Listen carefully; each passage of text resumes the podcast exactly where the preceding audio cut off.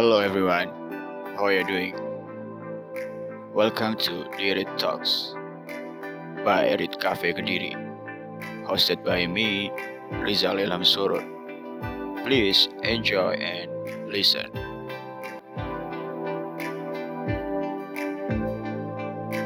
tentu isu yang diangkat cukup dekat sama kita ya kan. Ada cerita tentang sebuah keluarga yang kemudian masih menganut Islam Jawa seperti itu kemudian hubungan antara ibu dan anak yang sedikit jauh dan kemudian ada isu-isu tentang sosial budaya yang kemudian diangkat. Terus kemudian dari film Sepulang Sekolah kita lihat mengangkat isu yang cukup sensitif di perfilman Indonesia tentang seksualitas Terus kemudian di film yang terakhir Wedang Sepat, kita melihat gimana sih operasi dari perusahaan-perusahaan besar kepada masyarakat-masyarakat kecil. Eh, perkenalkan nama saya Rohim. Saya dari LP2M Corong, anggota PPMI DK Kediri juga. Siap, gimana? Sebelumnya terima kasih kepada PPMI DK Kediri, sahabat Ahmad Hidayat, itu orangnya di pojok mas. Terima kasih Mas Ahmad Sudah Hidayat. menyelenggarakan nobar ini. Dan selamat datang semuanya dan dari teman-teman Surabaya tadi, apa namanya? Teman-teman Sineas Surabaya. dari teman-teman Ilmu Komunikasi Universitas Erlangga. Oh, selamat datang kami ucapkan kepada teman-teman Universitas Erlangga ya. Iya, yang Erlangga. sudah menyempatkan hadir malam ini. Eh, untuk nobar malam hari ini yang saya tangkap untuk yang film pertama saya nggak nangkep mas ya. Soalnya saya Iya. tadi di belakang, saya nggak terlalu memperhatikan. Tapi untuk yang film yang kedua itu yang saya tangkap bukan di seksualitasnya ya. Untuk yang film kedua tadi mungkin si kreator film ingin men- me- menunjukkan bahwasanya media itu ikut berperan dalam kehidupan masyarakat begitu ya. Untuk yang kita lihat tadi dua seorang sahabat cowok yang duduk di rumah makan tadi mereka pertama kali eh apa libidonya naik itu pertama kali dia ketika membuka Instagram. Instagram. Scroll-scroll Instagram. ya ketika dia stalking Instagram mungkin itu adalah kebiasaan dari kita semua di sini Ya mungkin dari teman-teman Jadi itu realita dari dunia media sosial. Terus yang kedua dia ketika masuk ke dalam kamar pun dia mungkin ketika melihat si objek perempuan tadi dia tidak akan lanjut ke pikiran yang lebih jauh. eh, Tapi ketika dia membuka satu bah Google tadi, iya. dia browsing browsing tadi, nah di situ dia naiknya. Nah itu hanya saya hanya mengat- mengatakan bahwasanya media sosial memang ik- sangat ikut berperan di dunia kita sehari-hari mungkin selama 24 jam. Mungkin bahkan kita mau berak pun kita bisa mendapatkan suatu informasi dari media begitu. Baik itu media elektronik ataupun media cetak, semuanya ikut berperan. Eh, untuk yang film ketiga, eh, Wedang Sepat. Wedang Sepat Iya. ya. Itu dari tayangan yang pertama memancing di waduk ya tadi. Iya benar di Waduk Sepat. Ah, yang penting jangan waduknya orang Sunda. Kalau waduknya orang Sunda parah itu artinya. Apa itu Mas? Eh, telai mas. kalau orang Sunda mengatakan waduk itu ya telai artinya. Iya. iya. Tapi kalau orang Jawa waduk itu artinya Semacam bendungan. ah bendungan. Iya, itu menunjukkan bahwasanya pada waktu itu air itu melimpah begitu lah. Iya. Cuman ketika ada suatu apa namanya industri-industri, proyek, bangunan-bangunan yang justru masyarakat kecil itu tersampingkan, apalagi kebutuhan mereka sehari-hari seperti air dan lain sebagainya itu mereka minus begitu kan. Eh, mungkin itu ya. Iya, Saya bisa sip, sip. menjelaskan. Kata teman saya butuh IQ tinggi untuk memahami film ini gitu. Terima kasih untuk kreator film ini, saya Mas. Ada sutradaranya ada- di film pertama itu ada Mas Rido Rido dari teman-teman Unar juga, terus film kedua dari Mas Ricky Ringo, kemudian film ketiga dari Mas Polikarpus. Iya, pokoknya itu ya. Iya. Saya ucapkan terima kasih kepada mas-masnya tadi dan saya ucapkan terima kasih banyak dari komunitas Surabaya yang sudah sempat hadir dan seluruhnya yang ada di sini. Bingung gitu kan masih ngambang gitu, saling spekulasi. Mending kita langsung undang aja salah satu director dari film ini.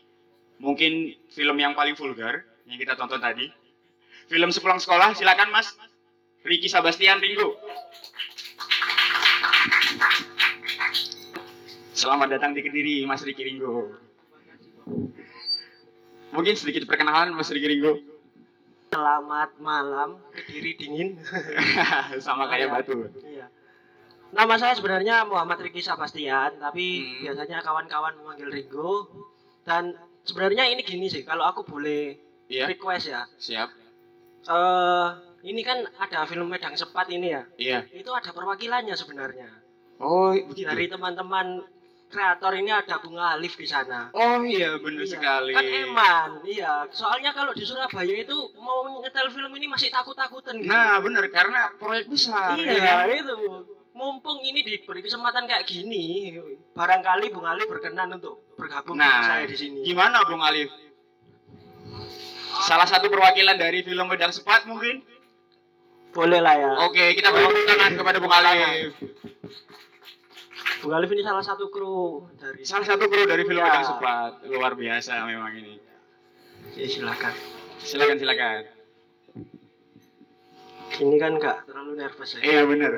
Jadi teman-teman ini dari Prodi Ilmu Komunikasi Universitas Erlangga ya.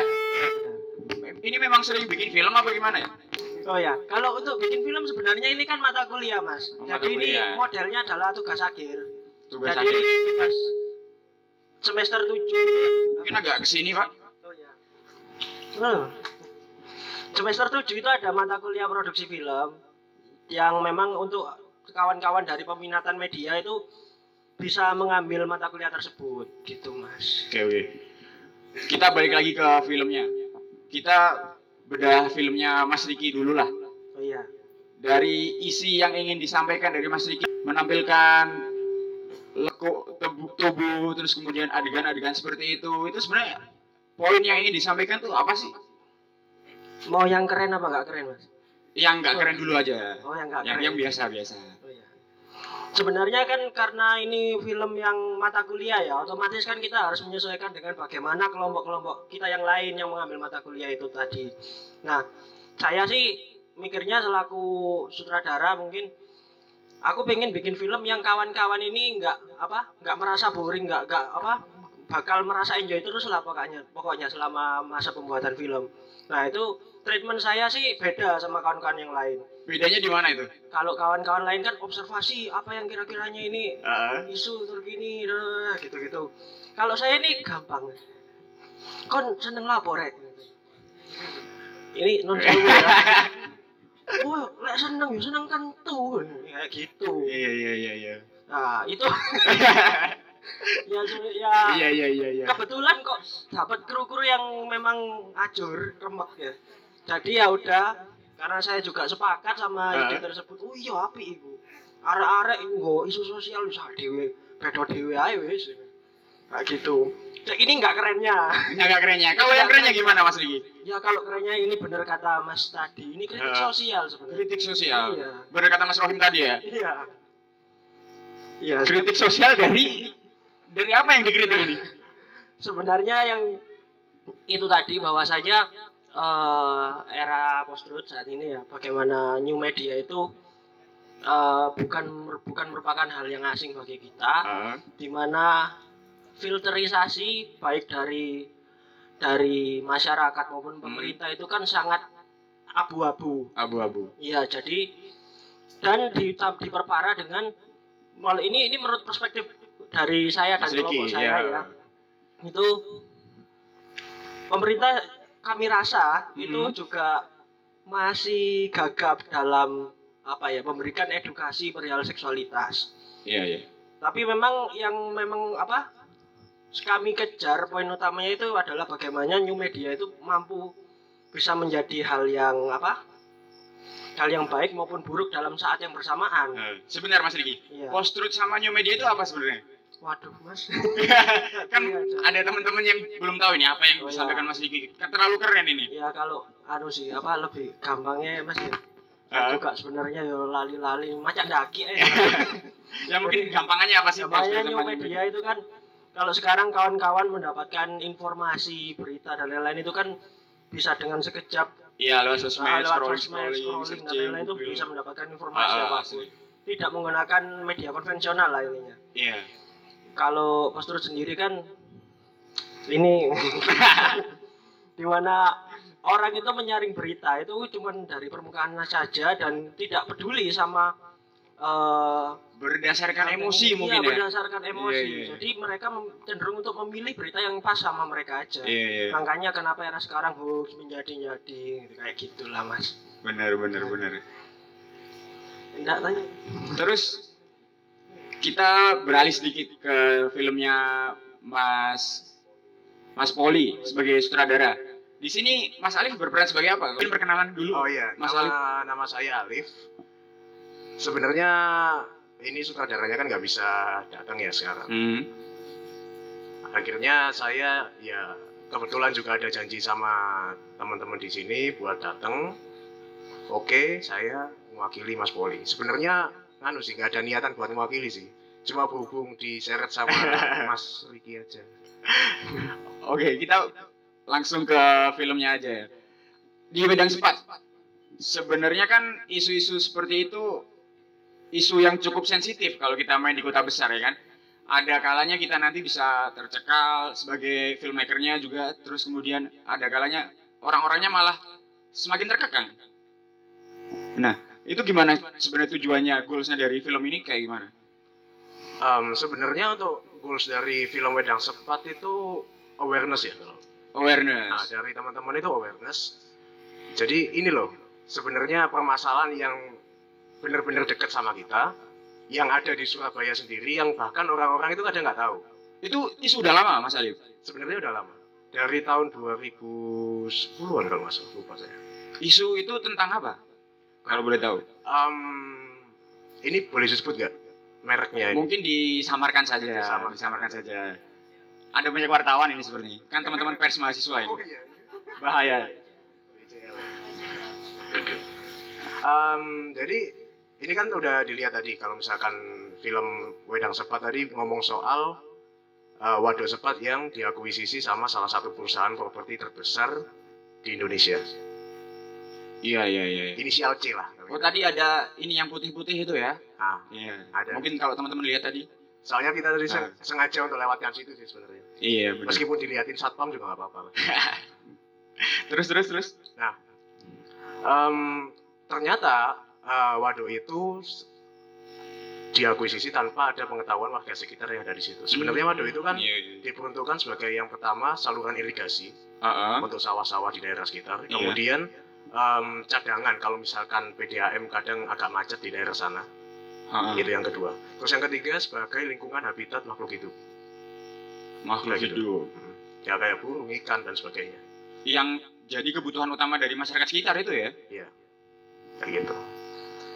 Em, dan akuisisi itu sendiri sebenarnya sudah melayangkan banyak gugatan ya.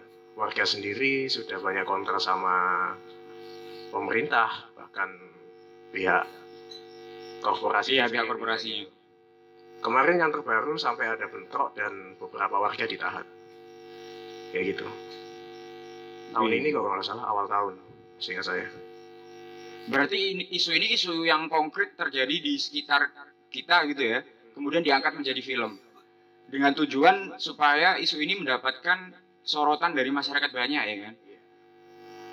Nah, kemudian apa lagi yang ingin diceritakan dari film itu?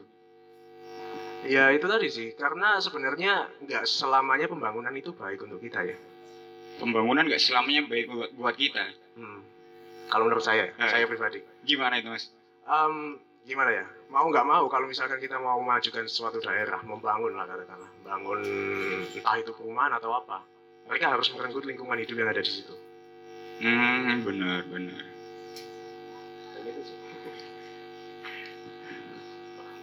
Oke, mungkin sampai di sini dulu. Kita buka sesi pertanyaan dari teman-teman. Ada yang masih ganjel dari film-film yang telah kita tonton bareng tadi? Mungkin Mas Barik dari Ngadirejo. Oh, jadi Mas Barik ini mempertanyakan gimana kontrol orang tua dalam mendidik anak, Mas mungkin. Gimana Bung Riki itu? Absennya perang orang tua ini. absennya perang orang tua Iya, iya. peran orang tua. sebenarnya eh, ya terima kasih atas pertanyaannya mas. Mas Barik. mas Barik tadi. Eh, tadi di dialog sempat dijelaskan pas mereka apa bertiga si Yumna Kinan sama Cucu ini lagi istirahat. Itu ada ber- ada dialog di mana eh, si pemeran yang cewek utama ini ngomong bahwasanya duh apa lu, luwe terus wong tuaku sik kerja sisan kayak gitu. Nah di sini juga kalau mau disambung-sambung no juga ya sebenarnya ini kritik terhadap absennya peran orang tua di mana orang tua itu dua-duanya bekerja kalau di kota besar dan Iya, lain-lain. itu kan otomatis kontrol terhadap eh, tumbuh kembang anak itu Tumbuh kasih kembang anak. Itu kan jadi lalai gitu mungkin seperti itu Mas Oja ini tanya dari ketabuhan-ketabuhan yang ada, kenapa kok mesti seks? Nggak drugs, nggak alkohol. terima kasih Mas Ojan atas pertanyaannya Eh. saya memang menunggu Mas Ojan untuk bertanya Eh, kalau kenapa yang diangkat temanya adalah soal seks apa seks atau apa-apa aja yang udah dibincangkan tadi itu sebenarnya sudah terjawab pula di di apa di penjelasan awal di mana eh sebenarnya kan emang treatment dari pembuatan film saya ini berbeda. Saya berangkat dari kawan-kawan ini menyukai apa saja. Nanti Nah, kita breakdown dan ternyata memang yang muncul pertama adalah seksualitas, pakan ton, Iya. gitu. Seks adalah kebutuhan Mas karena. Ya, terus sebenarnya juga ini eh, berangkat dari eh, mitos, bukan mitos ya. Kawan-kawan di Surabaya, terutama Surabaya dan sidoarjo itu Ah. ada ada anggapan seperti ini. Cuman ini ini nggak nggak valid ya. Ini cuma anggapannya Kabar burung. Kabar burung. Iya. ya. Nggak tahu. Nggak tahu burungnya siapa. ya. Jadi Siap, siap. jadi ada kabar burung kalau oh arek Darjo ngancen kentuan kayak gitu. Waduh, waduh. Arek. Darjo itu kan sebenarnya labeling mas, tidak boleh sebenarnya. Daerah masa ada daerah orangnya Iya, iya, iya. hypersex semua. Nah, itu di Surabaya itu di kalangan remaja gitu Ah. mungkin terutama di mungkin di UNER ya itu Iya, iya. ada anggapan bahwa wah ancen arek Darjo gak kaget lah mari ngentui arek iki iki iki kayak Iya, gitu. Itu juga berlaku pada nggak cuma cowok tapi cuma cewek pula dan sebenarnya dan sebenarnya juga ini tema ini pas sama eh, saya sendiri yang memang suka dalam Suka itu gitu. enggak maksudnya saya suka, Gimana gimana? Enggak. saya suka dengan isu-isu yang berbau seksualitas Ya, gitu ya. Saya Ya. kira suka yang kayak gitu ya, gitu. ya. kan itu soalnya sebenarnya kan gitu maksudnya Mas yang tadi kan ada ta ta ta gitu ya. Eh. soalnya kan ini film ini juga sebenarnya nyambung sama skripsi saya gitu. Oh iya iya. kayak gitu skripsi saya juga seksualitas ya seperti itulah saya emang suka sama isu ini Passionnya di seksualitas Mas Riki ini ternyata. Kajian mas tolong Oh, kajian. kajian seksualitas sorry sorry. oh, ya. Itu konfliknya dalam proses pembuatan apa setelah kita rilis mungkin yang ditanyakan? Setelah kita rilis. Iya iya. iya. Terima kasih Mas Livi pertanyaannya. Mungkin mungkin untuk kita semua karena film kita semua juga sensitif ada di politik ada di seks gitu kan.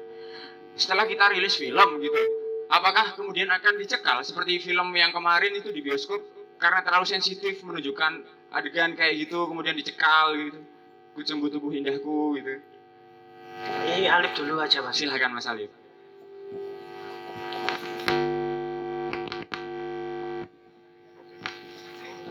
Ya, cek. Nah,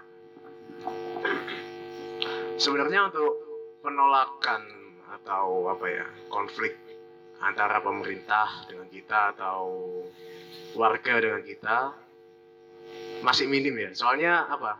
Em, dari sutradara sendiri memang sudah apa ya? Sudah ada ketakutan tersendiri untuk Hmm. sebagai TO gitu ya Ah, target untuk, operasi ah, gitu untuk mempublikasikan Ah. film itu tadi.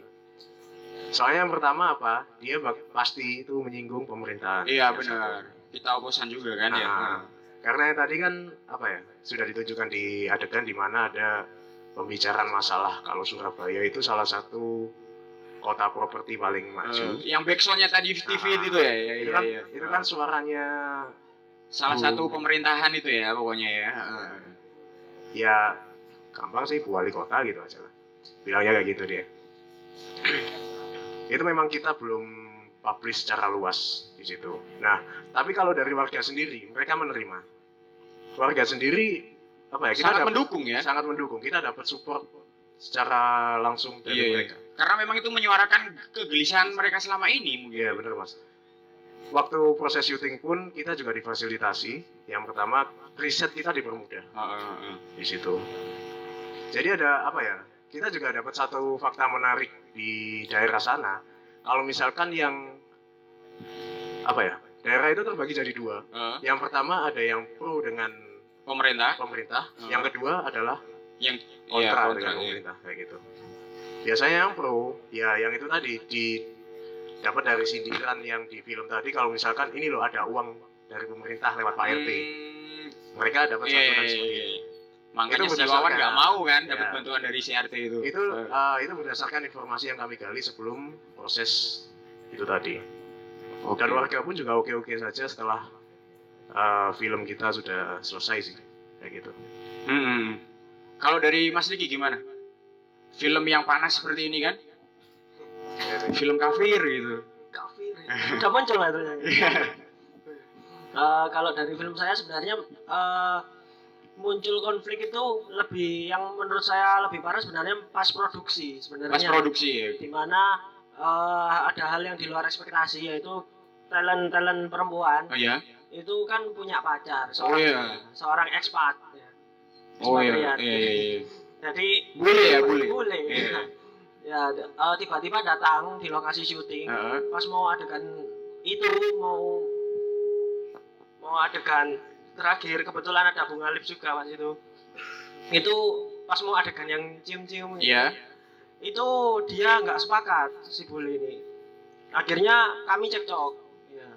cekcok saya sampai udah apa udah mangkel saya apa posisi tinggi sempet sempet wes gak karuan mau Emosi emosi jiwaku. nangis cuman pengen ngupload iya, diri. iya. akhirnya saya ber apa mengukuhkan diri untuk wes tak kaplok ya saiki akhirnya ternyata setelah masuk saya dituarik dimasukin ke kamar mandi Oh. Yes, kamu kamu rapo dulu, rapo, rapo. Terus pas di track diginiin itu sambil dibisikin sama produser saya. Kamu nggak usah marah-marah ngene ngene. Kon ngerti ki syutingnya ono di perumahan, kok lek ono rame-rame wong sak kampung malah Tambah kecekal ya Tambah kecekal ya gak sih film ini. Terus saya di dalam perenungan saya itu. Eh, Iya, dalam bilik itu tadi ya. eh. Oh iya iya, kok enggak mari-mari tambahan ini. Akhirnya ya udahlah, akhirnya saya ikhlaskan untuk eh, pada hari itu kita nggak lanjut shoot. Akhirnya kami eh, untuk scene terakhir itu pindah tempat, di mana awalnya di sidoarjo, Hmm. terus langsung ganti ke eh anu di seberangnya Petra sana. Wih jauh ya. Iya iya nggak jauh-jauh banget sih mas. Iya. Lebay. Biar dia Nah. kan. Iya. Ya kayak gitu sih. Terus itu pun dengan dengan kesepakatan bahwasanya sebenarnya film ini bisa lebih lebih vulgar gitu ya. Hmm. Karena saya sampai apa di skrip saya itu sampai bu- lepas buka kayak gitu. Cuman karena ada konflik itu tadi Eh. yang tidak terduga yang mana awalnya pacarnya oke-oke aja Iya. dan aku anggap oh, oh mungkin memang kalau ekspat kayak gitu ya open mind dan lain-lain ternyata tidak juga pada akhirnya plan plan seperti itu akhirnya ya udah ya udah kesepakatan nggak usah sampai buka-buka karena kan yopo-yopo talentnya itu dari Eh. awal kan emang udah itu nggak mungkin tiba-tiba diganteni nanti Iya. kan saya nggak punya teknologi buat pakai CGI muka gitu kan, Bener Mas. bener. Iya. akhirnya ya wes lah mentuk cipoan yo. Iya. Jadi intinya tetap ada kompromi mas ya. Iya, tetap sini, ada kompromi pada akhirnya. Nah, setelah pasca itu masih ada konflik lagi, Mas. Konflik apa itu mas? Jadi tidak dipungkiri ya kalau di mana pun itu orang-orang misoginis kayak gitu gitu. Apa itu misoginis mas? Masih kayak, ya, Apa itu? kayak apa? Alah, opo sih wedok, wedok iku lek gak macak mana ya opo. Kayak Oh, gitu-gitu pemikiran yang memandang itu. remeh Ya, lawan jenis gitu ya. Patri- patriarki lah terus itu eh, memang ada oknum-oknum yang seperti itu kan Hmm. bagaimanapun di bahkan dosen ya pas Iya. pas apa pas permutaran premier pertama itu eh, si cewek yang jadi talent utama ini Iya. itu ngomong aku aku nggak setuju nggak setuju misalnya diputar soalnya ono dosen sing nggak teli mang kayak gitu Oh. Nah, akhirnya, loh kenapa aku akhirnya cari tahu? Ya karena dia emang ngono kayak selalu merendahkan aku dan lain-lain kayak gitu itu terjadi mas sebenarnya di di lingkungan kuliah hal-hal seperti itu memang terjadi terus eh, seksual harassment dan lain-lain Iya, itu seksual harassment ya. Iya. Terus akhirnya oh ya wes gini aja aku aku tak berusaha buat si dosen ini supaya nggak nonton film ini premier yang penting kayak gitu Itu digembosi bannya biar gak datang apa ya? oh enggak sudah ada di situ mas Sudah ada di situ. Ah, ya udah mau gak mau timbangannya filmku gak premier ya mas Heeh. ya udah saya bilang Pak Nun Sewu loh Anda keluar non sewu gitu. enggak Iya, Pak. saya temui di tempatnya tempatnya kan VIP depan. Pak Nun Sewu loh bla bla bla bla bla bla ngoten Pak. Akhirnya terus apa sih mas? Aku iki yo wong sing open mind. Open mind. oleh aku ae gak oleh ya apa le arek-arek arek-arek sing sing apa maba-maba iku lho apa gak tambah tambah ruwet ta? Eh, sebenarnya ini apa? Permintaan dari talent pak dan lain-lain kayak gini. Hmm. siapa sih talent ini? Nah itu mbak saya nggak bisa menyebutkan terus alah ya wes ngene iki aku pokoknya pengen terus apa talent ini terus aku tak metu aja akhirnya saya dengan berat hati ya udah pak makasih kayak gitu Bener-bener. Jadi ternyata membuat sebuah film pendek itu ternyata serumit itu mas ya. Mas Yayan, Mas Yayan ini tanya kepada filmnya Mas Alif. Mas Poli. Iya Mas Poli dan kawan-kawan gimana responnya dari setelah produksi ini output yang dihasilkan selain cuma nonton itu apa sih gitu? Em, output yang dihasilkan ya sebenarnya ada premier sebelum ini tapi saya pribadi nggak hadir jadi sebenarnya Mas Poli tapi untuk waktu ini kan film tugas Iya film jadi tugas. dinilaikan Hmm. dari dosen sendiri pun juga menganggap kalau misalkan film ini adalah yang pertama film sensitif Hmm. Politik ekonomi ya politik ekonomi dan lingkungan hidup dan lingkungan hidup. kemudian em, isu yang dibahas pun juga isu yang cukup menarik. Heeh. yang istilahnya cukup seksi. Kalau misalkan orang-orang kan nggak tahu semua. Banyak yang nggak tahu. Iya, nggak ada yang tahu. orang-orang Surabaya itu apa ya? Kalau mereka sudah hidup enak ya udah. Iya benar. selama masalah itu nggak menimpa mereka ya it's okay lah. Kayak Ah. gitu kan. Ya nggak hanya orang Surabaya sih. Kalau aku bilang orang-orang zaman modern seperti itu semuanya tapi yang perlu kita tahu kalau misalkan dalam apa ya eh, keenaan-keenaan itu ada satu sisi lain kalau misalkan ada orang itu yang merasakan nggak enaknya di situ salah satu contohnya ya yang kita sorot ini tadi nah dan responnya pun juga positif Dari masyarakat itu ya. Dari masyarakat positif, dari teman-teman juga bilang ini positif. Uh, film ini juga udah ngasih kesadaran sih kalau misalkan Muncul Iya. suatu gerakan sosial berarti setelah orang-orang nonton film ini. um, dari tindak lanjut uh, gerakan sosial ada, jadi dukungan terhadap warga-warga di Sepat itu tadi Iya. di daerah Wadah Sepat makin banyak. Kemarin waktu itu kan ada kayak unjuk rasa ke aku lupa di daerah mana di Ke perusahaan properti itu ya atau ke Enggak, ke pemerintah? pemerintah. Ke pemerintahnya. Iya di Geradi langsung. Di kantor gubernur ya. Wih. Jadi langsung ke sana. Ya dan yang datang nggak hanya warga sana aja. Jadi Hah? banyak dari lembaga-lembaga termasuk dari organisasi mahasiswa Heeh. yang juga turun di situ. Wah, keren keren keren. Impactnya sebesar itu ternyata Mas ya. Ini kan kalau ngobrol-ngobrol masalah film kan Mas Ringo dan Mas Alif kan juga sering bikin film gitu kan. Ada gak sih momen di mana merasa kalau kita tuh perlu membuat film untuk sebuah perubahan gitu, yang akhirnya menjadi passionnya kalian gitu.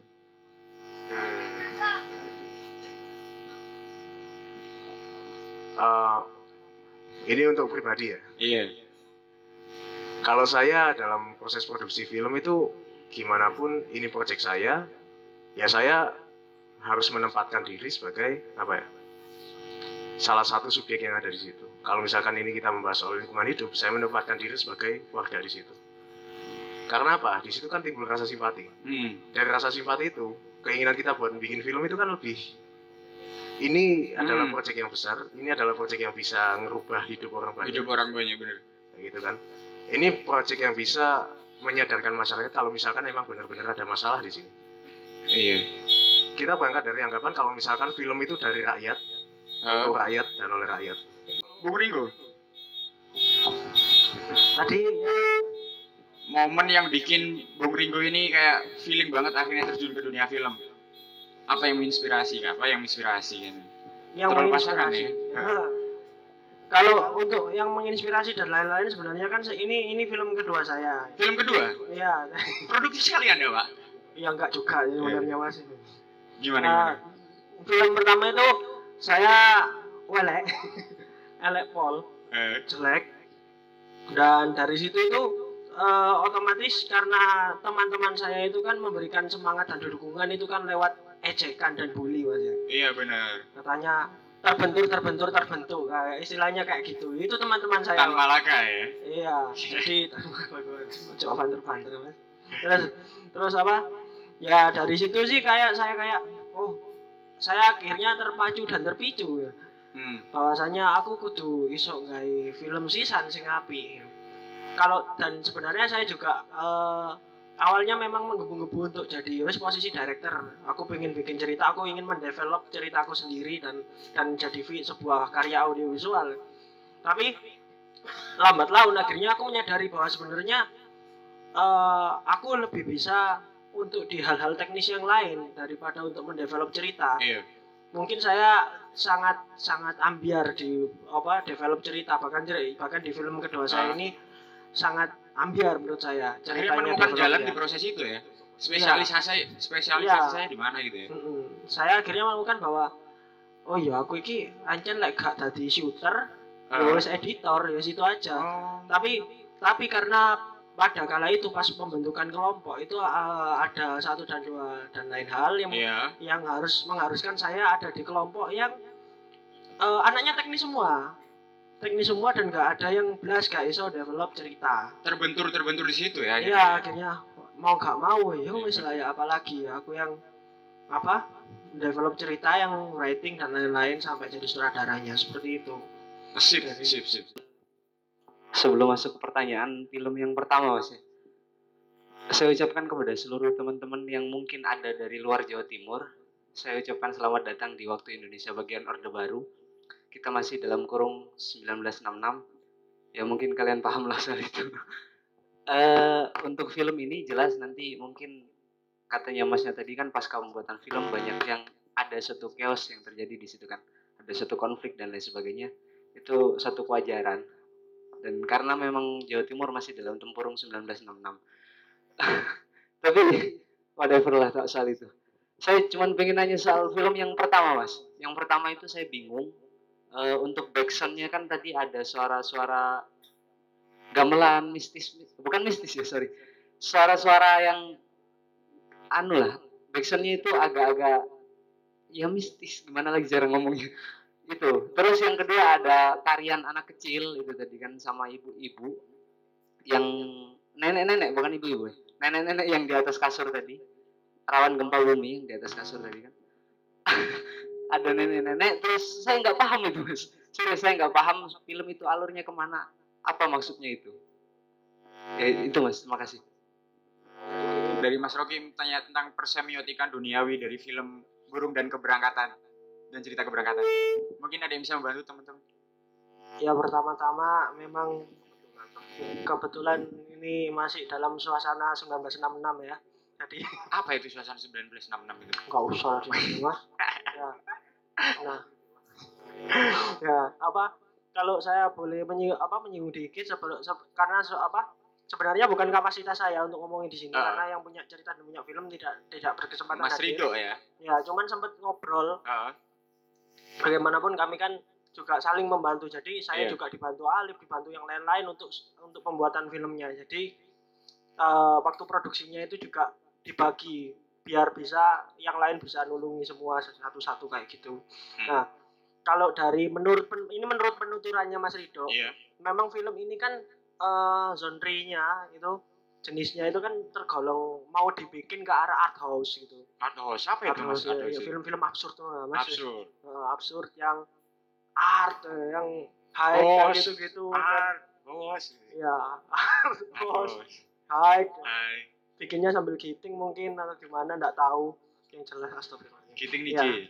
ya gitu Niji. tadi jadi emang film ini diarahkan untuk menjadi seperti itu Eh, dan kalau alurnya sendiri sebenarnya ini kan menceritakan tentang mitos eh 40 hari di 40 mana- hari, ya. Hmm, di mana kalau di Jawa itu orang meninggal itu eh, arwahnya 40 hari itu masih akan mendiami kediamannya Hmm. di mana eh, dan juga ada mitos tambahan bahwasanya kalau orang mati itu bakal Sabtu. ajak-ajak ya pada di Ya, hari di hari- Sabtu bakal ajak-ajak anggota keluarga yang lain untuk mati juga. Itu kenapa Mas? Apa dia sendirian waktu di sana? Wah itu nggak tahu itu risetnya si pembuat film Mas. Oh. Tapi yang ditemukan memang seperti itu dalam budaya eh, Jawa seperti itu ada ternyata. Iya. Saya juga baru tahu karena film ini itu.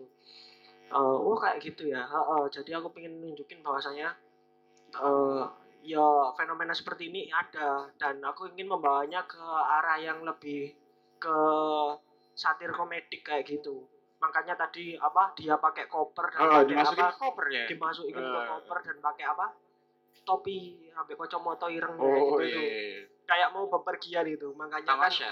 nah, makanya cerita apa judulnya kan burung dan cerita Keberangkatan.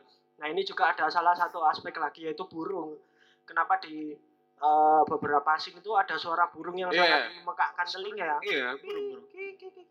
nah itu itu memang mitosnya kalau eh, orang mau meninggal di Jawa itu kan bakal ada suara-suara burung tuh. burung gagak kalau nggak salah. Iya, burung kalau di daerah saya Lumajang itu manuk dares, Mas, katanya. Apa itu, Bos? Manuk dares. Ya, itu kayak gagak gitulah, Mas, Oh, Mas iya. modelnya. Iya. Saya juga nggak tahu dunia perburungan. Permanuan nggak tahu ya? Nggak tahu. Taunya ya kayak gitulah. Jadi eh wah, cukup wajar mungkin kalau eh, sekali melihat nggak nggak nggak apa nggak nangkep apa sih maksudnya Hmm. film ini karena emang dibikin sangat art house sih mas Art house, jadi absurd. ya absurditas itu jadi poin utama dari filmnya Mas Rido itu tadi Kalau dari sudut pandang Mas Alif gimana? Ya sebenarnya hampir sama juga sih. Soalnya kita ngobrolnya bertiga ya waktu itu. Oh, bertiga aja. Iya. Enggak, em, sebenarnya ini ide berangkat dari apa ya? Kayak Iya, cerita-cerita pribadi sih. Heeh. Iya. Eh, ide ceritanya Rido ini dari kita bertiga. Jadi kita cerita soal gimana sih waktu dulu orang terdekat kita meninggal. ya. Heeh. Apa sih yang kita rasain dan apa aja yang mitos-mitos yang mengaruhinya. Heeh. Ya akhirnya setelah diolah lagi sama Mas Rido dijadikan ide cerita dan Hmm. jadilah film ini tadi kayak gitu. Em, menurutku ya juga cukup menarik sih di mana dia bungkusnya agak apa ya absurd dan sebagainya karena mungkin karena referensinya dia salah satunya adalah kayak eh, mungkin kalau ada yang tahu film Ghost Story Ghost story. Iya, iya, iya. itu memang hantunya dikeliatin di awal Heeh. dan nggak ada serem-seremnya sebenarnya ya dia cuma nongol diem gini aja kayak gitu kan makanya neneknya diposisikan seperti itu Heeh. kayak gitu sih mungkin juga referensinya dia seperti referensi Kamila Andini atau Garin Nugroho Gari ini ya. Hmm. Setan Jawa itu ya mungkin. ya. Nah, yang mungkin kebanyakan ngangkat budaya-budaya tarian dan Iya, tari-tari. anak kecil dan sebagainya gitu. Mungkin gitu Mas Rokim. Oke, mungkin sudah cukup larut ini. Closing statement. Eh, kalau closing statement sebenarnya apa ya mas Film. Boleh menyempatkan satu patah dua kata sih. Eh kalau eh, ini berhubung juga sama keinginan saya yang belum Ah, tercapai ya mas? Apa itu Mas? Pesan terakhirnya itu? jangan mas. Kayak 1966 aja nanti saya tiba-tiba hilang. Eh, itu sih lebih ke kawan-kawan supaya untuk memperhatikan isu lokal atau budaya Ah. lokal untuk diangkat ke eh, media-media yang mungkin bisa dinikmati oleh anak-anak dan orang-orang masa kini dan tidak terlalu ribet gitu Hmm. kayak audio audiovisual itu kan semua bisa menikmati semua bisa Iya benar, mencerna benar benar. jadi saya sih pribadi sih ini juga keinginan juga ayolah kawan-kawan dari daerah dari Kediri eh, khususnya, Kediri, mungkin kayak ya. saya Lumajang itu Heeh. ayolah angkat-angkat isu-isu lokal itu ke ke ranah nasional bahkan internasional Wis. ya paling enggak mengalahkan dominasi Jakarta lah Iya. harus lah Barometer ya, barometer Indonesia Jakarta. Jadi Iya. setuju tuh, Pak. itu harus dilawan apa kemapanan itu harus Iya. kita lawan Pak. seperti itu kalau Kalau- saya iya, sip, itu sip. Kalau Bung Alip, ya apa ya balik lagi ke quote tadi kan sinema kan dari rakyat oleh rakyat dan untuk rakyat kan sebenarnya wih wih wih. Em, ya benar katanya Mas Ringo ini tadi kalau misalkan bikin film itu nggak perlu jauh-jauh sih Hmm. cukup lihat di sekitar kita apa yang rasa ada yang ganjal itu apa sebenarnya Hmm. dari keresahan-keresahan itulah kita bisa bikin ide cerita oh ini ada masalah bisa kita kembangkan jadi sebuah cerita yang menarik toh kalau misalkan untuk dikembangkan lagi ke nambahi lagi kalau misalkan ke dunia internasional Hmm. isu lokal itu sangat menarik mas Iya. sangat seksi kalau menurut saya kayak gitu sih Karena konkret ada impactnya buat masyarakat. nah satu sisi kayak gitu dan yang kedua jarang ditemui sama masyarakat internasional Hmm. hmm. Indonesia ini kompleks soalnya Yang harus scrolling dulu sebelum main gitu ya. nah kayak gitu sih Oke, mungkin itu Udah, saja. gitu aja, ya. Terima kasih Mas Ali udah mampir di Diri Talks. Mas Ringo juga terima kasih. Semoga kapan-kapan bisa mampir lagi. Well, this is the end of our episode. If you want to talk about something, just hit us on email. And thank you. See you and have a great day.